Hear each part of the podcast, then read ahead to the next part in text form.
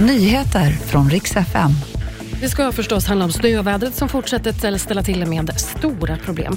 Och om fröken Snusk, för nu är det fler som väljer att avbryta sina samarbeten med henne.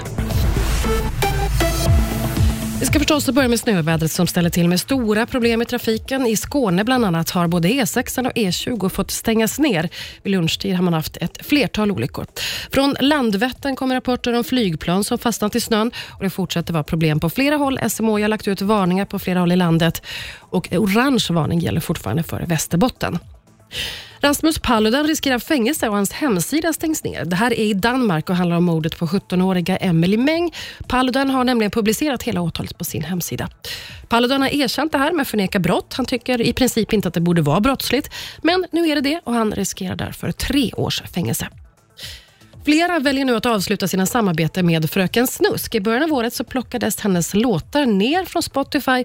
Hon och producenten Rasmus Gossi misstänks ha manipulerat strömningar till tjänsten. Spotify har nu också begärt att musikdistributören Amuse avbryter sitt samarbete med artisten, skriver DN.